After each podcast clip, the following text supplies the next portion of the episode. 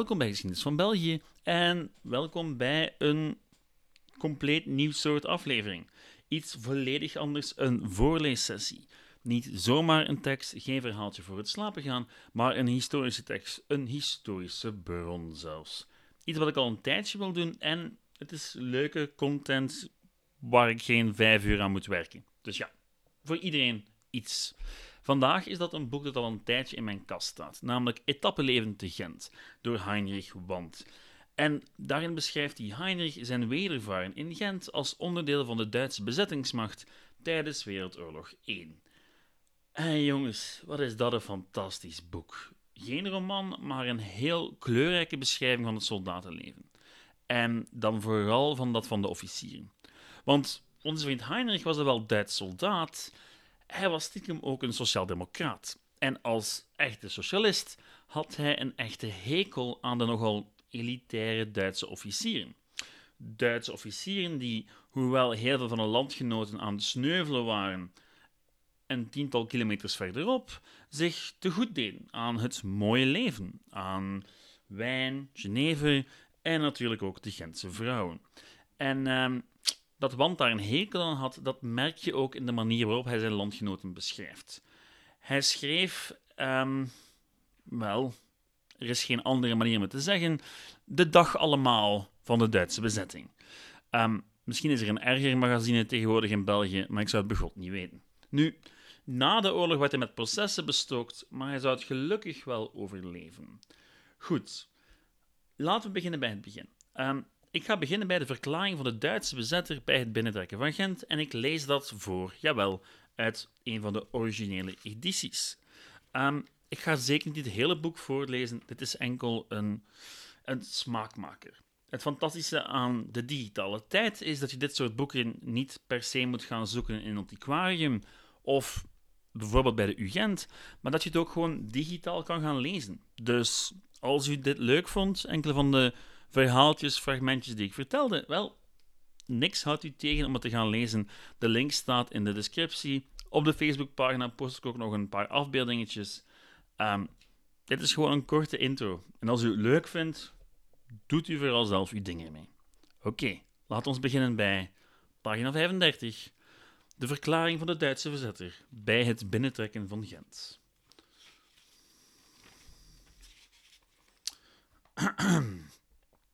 Inwoners van Gent, Duitse troepen komen vandaag in uw stad. Er zal uw medeburgers geen haar van het hoofd gekrenkt worden en uw eigendom zal geëerbiedigd worden, indien gij u onthoudt van vijandelijkheden. Iedere tegenstand of iedere poging om de Duitse troepen tegen te werken zal meedogenloos volgens het krijgsgerecht gestraft worden. Al de voorhandene wapens moeten onmiddellijk op het stadhuis afgeleverd worden aan mijnen gevolmachtigde. Wie daarna nog in bezit van wapens gevonden wordt, zal doodgeschoten worden. De politie en de personen die toelating krijgen van het Duits legerbestuur worden uitgezonderd. Wanneer in uw stad Duitse troepen nu of in de toekomst aangevallen worden, zal de bezetting eruit teruggetrokken en de stad in brand geschoten worden. De bevelhebber von Beesler generaal der infanterie. Een, een redelijk duidelijke boodschap, als je het mij vraagt. En gezien het feit dat de Duitsers net Leuven in brand hadden gestoken, omdat ze dachten dat ze, bestoken, dat ze beschoten werden, ja, wel een waarschuwing om serieus te nemen. Nu goed, laten we het even hebben over de commandant van Gent, een zekere Von Wick. En die Von Wick was een heel kleurrijke figuur en wel, Want had er een duidelijke, maar echt heel duidelijke hekel aan.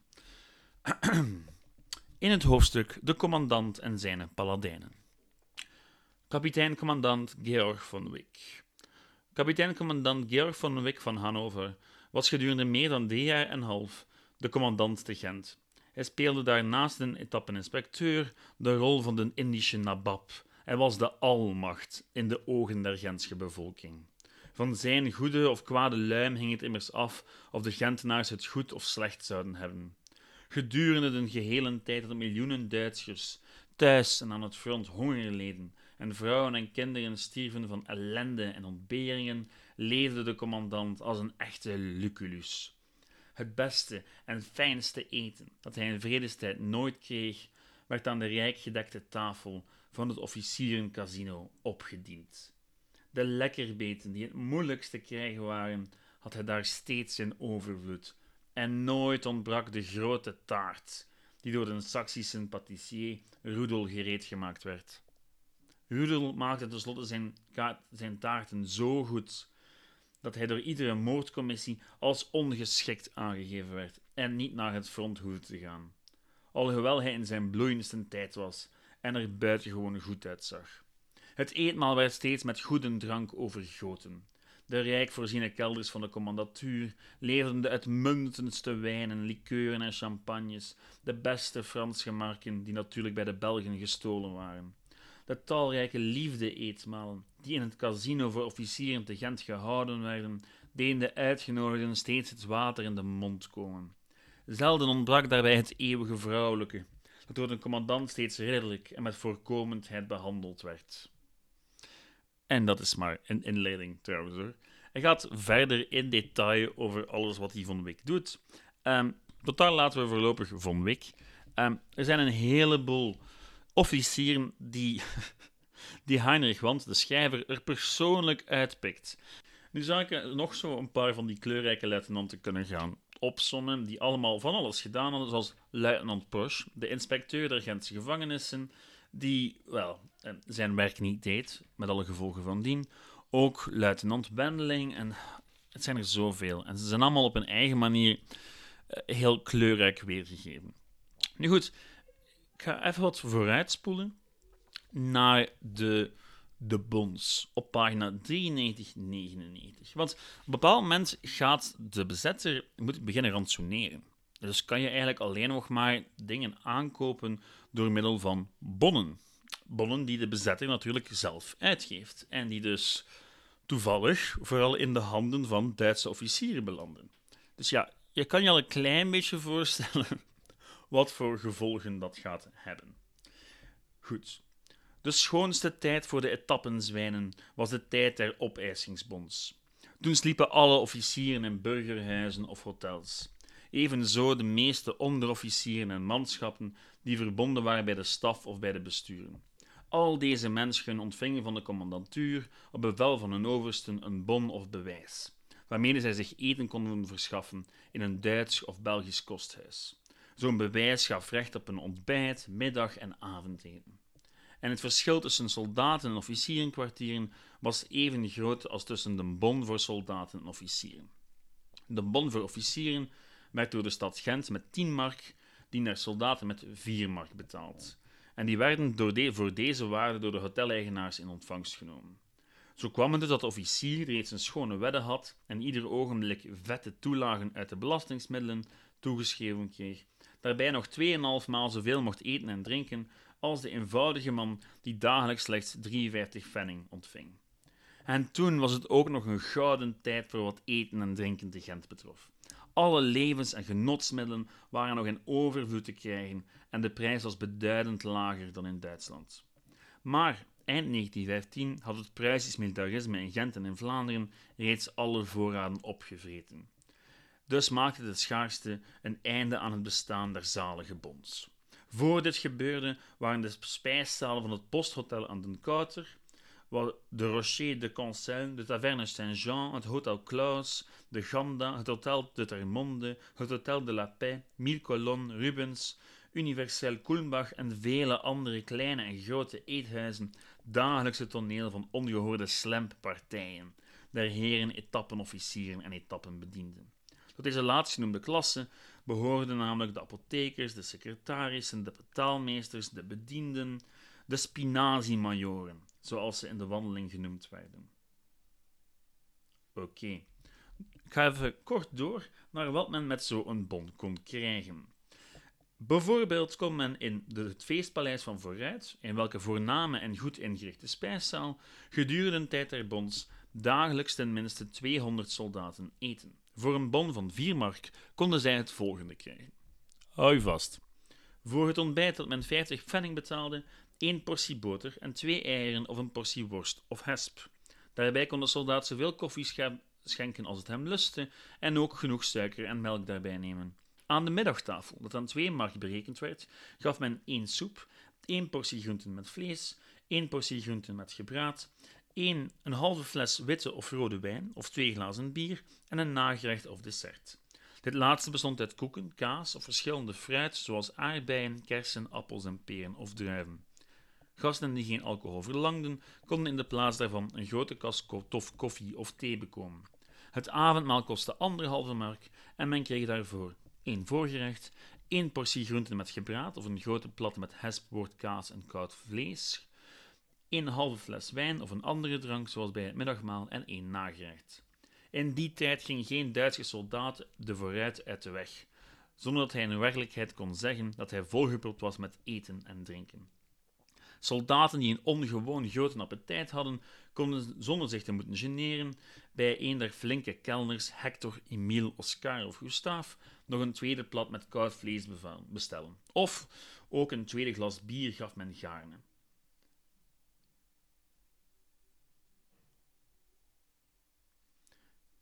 Gezel Berragan, de directeur van het feestpaleis Vooruit, die ten, die, die,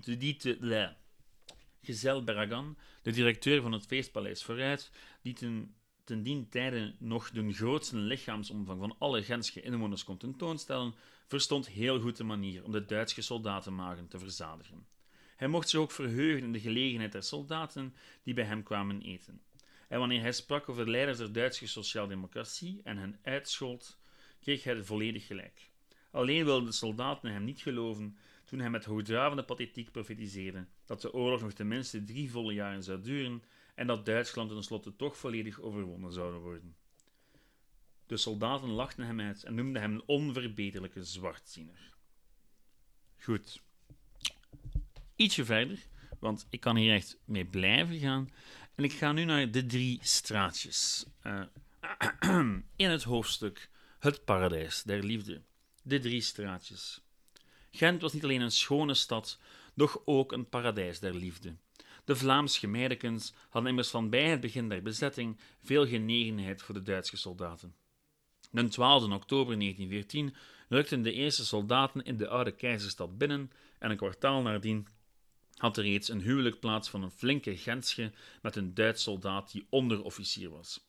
Er ontsponnen zich ook zoete relaties tussen de dochters der Gentse kwartierhouders en de Duitse soldaten.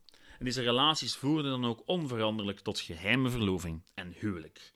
In het eerste jaar der Duitse bezetting waren er reeds een niet onaanzienlijk getal jonge wereldburgers, waarvan de vader zeker een Bosch was. Eens heeft men te Gent een dag beleefd die, die lang in het geheugen zal blijven. Het was een lange juniavond in 1916. De soldaten van het veldrecrutendepot depot van het 26e Reservekorps, aangevoerd door generaal-majoor von Huzel met zijn snuitvormige baard, moesten de stad verlaten. In gesloten gelederen marcheerden zij uit hun kazernen al over de harde kasseiden van de Kortrijkse Steenweg en de Elisabethlaan, recht naar de Sint-Pietersstatie, het Sint-Pieterstation. En het muziekkorps speelde vrolijke deuntjes. Maar de harten der landsknechten zaten in hun schoenen. Niet alleen omdat het lot beslist had hen te gebruiken in de sommenveldslag, maar veel meer omdat zij nu voor lange tijd, misschien voor altijd, vaarwel moesten zeggen aan hun beminde Vlaams gemeidekens. Want reeds veel van deze opmarcheerde soldaten waren te Gent gelukkige vader geworden, terwijl ze ook thuis in Duitsland een vrouw en soms verscheidene kinderen hadden. natuurlijk had de soldaat het laatste verzwegen bij de Gents gemeidekens. De vrouwen en meidekens die de troepen met betraande ogen zagen vertrekken, leden nog meer. Zonder er doekjes om te winnen, lieten zij hun smart vrij in teugel. En die smart was zo echt en diep gevoeld, dat de van nature uitspotzuchtige Gentenaars het niet waagden de liefdepijn der meidekens in het belachelijke te trekken. Zusters en broeders, en in sommige gevallen de grootmoeders, hadden eraan gehouden tot een laatste ogenblik bij de vertrekkende soldaten aanwezig te zijn. En zo liepen zij mee, tot aan het perron waar de trein moest komen om de soldaten op te laden. En hoe langer de oorlog duurde en hoe meer soldaten er in de etappeplaats Gent verbleven, des te groter werd het getal Gentse verlatenen, en de smart der Vlaamse bruidjes werd hoe langer hoe erger. Hoog klinkt het lied van de schoonheid en de liefde der Gentse meidekens. Er bestaat slechts één Gent en zijn slechts eenmaal Gentse meerkens geweest. Er is in Duitsland geen enkele oude soldaat die een paar dagen in Gent verbleven heeft, die niet met weemoed aan de schone stad terugdringt. In Groos-Gent zong men altijd met ware begeestering het liedje van Frits Spingers. Gent, Gent, du schone stad. Dus ja, de liefde, met andere woorden. Nu waren er natuurlijk ook meisjes van plezier. Dat was niet echt te vermijden. En daarover schreef onze vriend Heinrich Want het volgende. De soldaten die voor enige uren te Gent aankwamen en nog een beetje geld in het beursje hadden dat op hun borst bengelde, of die nog een brood in hun ransel droegen, moesten niet vrezen geen uitkomst te vinden. De Modenaaringstreeg, bij de Duitsers Kleine Veldstraat genoemd, het Zagermanstraatje bij de Vogelmarkt en de donkere en kwalijk ruikende Engelstraat aan de Vrijdagsmarkt verbogen een hele reeks schildergeschilderde huizen waarop de liefdestempel gedrukt stond. Voor de deuren deze huizen stonden de soldaten rotje te schuiven, precies zoals hun moeders en vrouwen deden voor de melk, boter, eieren en aardappelwinkels in Duitsland. En deze soldaten wachten evenals de Duitse vrouwen en meisjes thuis met een hemels geduld om de zoete vreugde der liefde te smaken. Daar reekse soldaten van alle wapens die zich iedere dag voor de huizen der Gentse Venuspriesteressen gingen stellen om aan te schuiven, altijd groter en langer werden en tenslotte openlijk ergernis gaven, meende de zedelijkheidsfanatieker superintendant Mantel met pastoor Eichel, pastoor Sturm, de deugdzame en de secretaris van het Witte Kruis te moeten ingrijpen. De stad Gent moest op bevel discrete afsluitingen opstellen voor de ingangen der drie straatjes, ten einde de jonge Gentse vrouwen en meisjes niet in hun godsvrucht te storen wanneer ze naar de kerk gingen om te biechten. Zo werden de Duits geliefde dronken soldaten verdoken. Daarbij moest de politie der commandatuur bestendig een zwaar bewapende post de wachten optrekken in de straatjes, ten einde daarvoor de orde te zorgen en iedereen te verplichten zijn de beurt af te wachten. De politie moest er ook op waken dat de Venuspriesteressen de christen zon- en feestdagen door volledige arbeidersrust heiligden. Maar, ter gelegenheid van keizers geboortedag, mochten zij zich met grotere ijver dan gewoonlijk wijden aan de bevrediging van de liefdesdorst der soldaten. Ah, poëzie is het niet. Als afsluiter nog een klein verhaaltje dat ook gaat over die prostituees. Nu, die prostituees die werden, als ze bepaalde ziektes opliepen, verplicht om in het vrouwenhospitaal Loesberg te, zich te interneren. Nu, het was ook echt wel internering. Ze werden pas losgelaten als bewezen was dat ze volledig genezen waren. Nu, waarom deed de Duitse overheid dat? Wel, ja, men had heel veel schrik van dat soort ziektes. Want ja, dat zou de slagkracht en de strijdkracht van het Duitse leger kunnen beïnvloeden. Dus goed, je snapt al, dat het wel redelijk belangrijk was. Nu, op een dag zou er een Engels vliegtuig een aanval uitvoeren boven Gent. En, wel, ik laat mijn, mijn goede vriend uh, Heinrich Wand het vervolg vertellen. De bommen van een Engelse vlieger wierpen veel stof en stenen in de hoogte, maar naar het oude spreekwoord onkruid vergaat niet, bekwamen de vrouwelijke inbewoners van Loesberg niet het minste letsel. Zij richtten echter schade aan in een andere richting. De meidekens wachten een vierde of vijfde bom niet af, doch vlucht, vluchten hals over kop over de muren weg om zich in de stad te gaan verschuilen. Zij waren gekleed met het kostuum van verpleegden, korte flanellenrokjes die juist tot aan de knieën reikten. In deze al te zomerachtige kleding vluchten ze rond de 200 meidekens van plezier bij klaarlichte dag het Loesberg weg en begonnen weer een gevaar te vormen voor de gezondheid van het leger. De Gentse militaire politie had de meeste moeite om de uitgevlogene vogeltjes weer te vangen. De eerste 150 waren betrekkelijk snel aangehouden en men zette ze spoedig weer in haar kooi. Maar met de 50 laatste ging het zo gemakkelijk niet. De Engelse vliegeraanval had dus werkelijk een goede uitslag, daar hij de Duitse strijdkrachten toch op een zekere manier aan de grote gevaren blootstelde. Afsluiten doen we nog met een laatste vertelsel van Heinrich Wand, en dat gaat over Leonidas. Um, Leonidas, het praline zoals u wel weet, is eigenlijk afkomstig uit, wel, Griekenland, want het was een Griek die zich in Gent gevestigd heeft. Um, Nu, die Griek was ook actief tijdens de Eerste Wereldoorlog. En, ehm, wel, ik weet niet of dit allemaal echt waar is, maar over het algemeen wordt Heinrich wel gezien als een goede bron. Dus, ehm, wel, besluit u vooral zelf hoeveel u hiervan wilt geloven. En waaraan u zal denken als u nog eens een praline van Leonidas eet. Leonidas.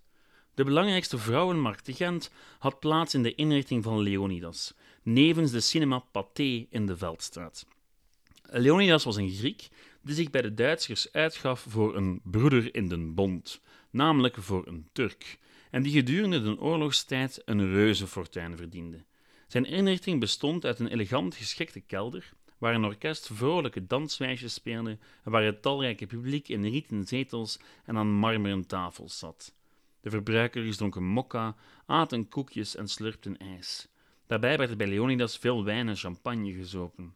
De hoedanigheid en de prijzen der gestelde waren lieten den broeder in den bond, die met gelaat en gezicht aan zijn kast zat, met zijn flinke vrouw, een aanzienlijke winst over. Zijn inrichting bloeide zodanig dat hij reeds in 1916 een tweede kelder liet bijgraven en hem op dezelfde wijze versierde. Alleen het gebrek aan materiaal en het verbod van de bouwdirectie verhinderde de Turk zijn plan om namelijk nog een grote derde kelder aan te leggen. De onkosten speelden voor Leonidas geen rol, hij was immers een echte oorlogsprofiteur. Zijn cliënteel bestond, na het Eerste Oorlogsjaar, bijna uitsluitend uit hoeren, soldaten en studenten der Vlaamse Hogeschool, die hier de Duitsers wilden naapen in drinken en nachtboemelen. Het schrauwe gedeelte van de cliënteel was het veranderlijke element. Door de publieke vrouwen waren de echte stamgasten. En vier jaar lang waren het dezelfde vrouwen. En wanneer het nu gebeurde dat ene onder hen, zoals de rode Titi of het paardengezicht, enkele avonden niet bij Leonidas kwamen, mocht men er zeker van zijn dat ze voor een tijd lang hun kwartier bij Loesberg opgeslagen hadden. Zijnde het ziekenhuis van daarjuist. Als dan in de lente 1916 het strenge verbod bekendgemaakt werd dat soldaten en burgers niet meer samen in een café mochten zitten, scheen ook de inrichting van Leonidas een sombere toekomst tegemoet te gaan. Maar de etappeninspectie, commandatuur en chef der militaire politie deden een oog toe, ten einde de Duitse officieren niet al te zeer in verlegenheid te brengen. De Turk moest geen plakkaat aan zijn deur hangen met een noodlottige melding voor Duitse soldaten verboden. En wat heel zonderling was, er kwam ook geen ander plakkaat met de woorden alleenlijk voor Duitse soldaten. Men koos, met het oog op de zware nood waarin de officieren verkeerden, de gulden middenweg en beval den beminden broeder der bond zijn gasten te verdelen in bokken en schapen. Langs de rechterzijde van het café moesten nu de schapen zitten, en dat waren de officieren, en langs de linkerzijde mochten de bokken of de publieke vrouwen plaatsnemen. En zo gebeurde het. De soldaten bleven rechts en de meidekens links zitten, en de anders zo lenige en plooibare kelners Henri en Camille moesten knorrend als schapenhonden tussenkomen, wanneer een soldaat die nog niets wist van de scheiding van tafel en bed zich als een onschuldige engel neerliet, midden in de vergadering der dienaressen van de godin der liefde. Gedurende enige dagen ging het er stijf toe bij Leonidas. De twee partijen telefoneerden elkaar toe met de ogen en nu en dan speelden ze met de hulp der kelners elkaar liefdesbriefjes in de hand, die een rendezvous in de toiletkamer aanvoeren. Daar werd dan door de fluisterende paarden, paren de prijs vastgesteld. Zeker een dag echter verbrak het paardengezicht, het eerbiedige zwijgen, en nu vlogen de schimpscheuten over en weer. En het duurde niet lang of de scheiding der partijen bestond niet meer. Er hadden daar dikwijls woeste tonelen plaats, wanneer soldaten van het front teruggekomen waren, en daar in bezit kwamen van een hoer, die eigenlijk reeds half afgesproken had met een officier. En toen kwam het soms tot het handgemeen, zodanig zelfs dat dan de militaire politie moest ingrijpen. Het gebeurde echter dikwijls dat de officier reeds voor het verschijnen der politie aan het kortste eindje getrokken had. Het grootste schandaal had plaats 20 oktober 1918, weinige uren voor de vlucht der Duitsers uit Gent. Drie beplunderde en bezopen koelies dronken met gewapende geweer binnen bij Leonidas, daalden in de kelder en dreven hoeren, officieren en kelners uit den tempel, terwijl ze hun wapens gedurig afvuurden. Alles wat er in huis was, sloegen zij kort en klein, en daarna deden zij zich goed aan de champagne en de likeuren. Tot de militaire politie binnenviel en de inrichting voor de laatste dagen van de oorlog gesloten hield. En dat was het voorlopige einde van Leonidas. En daar laat ik het bij voor vandaag. En gewoon een kort intermezzo. Normaal komt er maandag of dinsdag een gewone aflevering uit. Deze keer over heksenjacht. Ik hoop dat u hier evenveel van genoten hebt als ik ervan genoten om het voor te lezen. Ah, het blijft fantastisch werk. Zoals gezegd, de link van een uh, digitale scan uh, vindt u terug in de descriptie en ook op de Facebookgroep Geschiedenis van België. Bedankt voor het luisteren en tot binnenkort. Ciao! Oh, en uh, als u voorstellen hebt voor dit soort afleveringen, of u vindt het helemaal niet tof, laat het vooral weten op het e-mailadres geschiedenisvan.outlook.be of opnieuw de Facebookgroep. Ik ga niks doen waar niemand graag naar luistert. Dus laat het vooral weten als je het leuk vond of minder leuk vond. Dan weet ik wat te doen. Oké, tot daar. Dank voor het luisteren. Ciao.